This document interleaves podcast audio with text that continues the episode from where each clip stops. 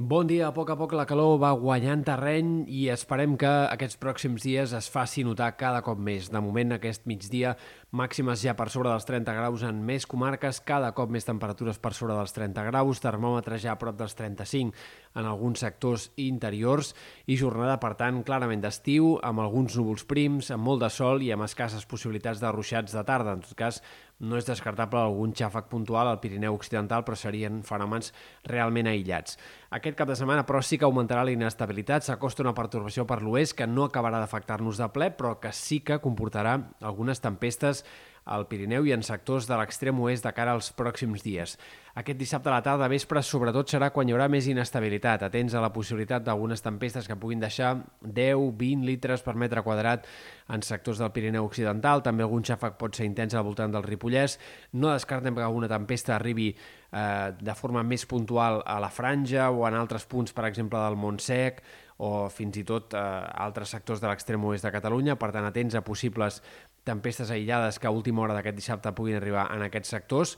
i els ruixats al Pirineu podrien continuar, de fet, durant la nit i encara matinada de diumenge. I el dia de diumenge també serà insegur en aquest sector, a l'extrem nord-oest del país,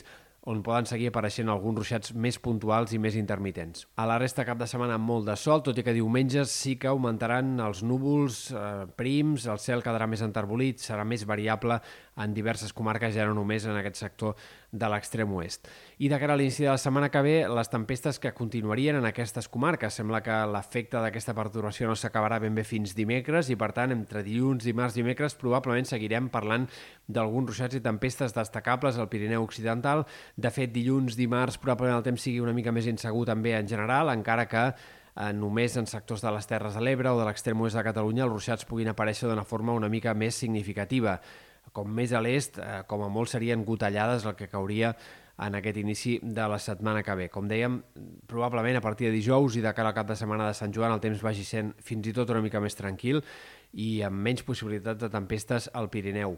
I pel que fa a temperatures hem de parlar de la calor intensa que arriba i que s'instal·larà. Aquest dissabte serà el dia més calorós de la setmana, atents a màximes que ja puguin superar puntualment els 35 graus a Ponent o en alguns sectors de l'interior de les Terres de l'Ebre. Eh, després d'això, l'augment dels núvols de diumenge i dilluns probablement frenarà una mica el termòmetre en aquestes comarques interiors, però en canvi la xafogó serà molt notable a les nits a la costa i la setmana vinent eh, ens mantindrem amb aquestes temperatures altes, fins i tot amb la possibilitat que puguin pujar més. Encara hi ha incertesa en el pronòstic sobre això, però cada cop sembla més decantada la balança cap a un primer pic de calor forta al voltant de Sant Joan, entre divendres, dissabte, amb temperatures que eh, podrien començar fins i tot a acostar-se als 40 graus en algunes comarques interiors, la xafogó molt notable ja a la costa, haurem d'anar veient cap on es decanta el pronòstic finalment sobre això, però cal tenir en compte que la calor serà intensa tota la setmana que ve i que podríem fins i tot passar, insistim, en algun moment de la pròxima setmana per temperatures extremes.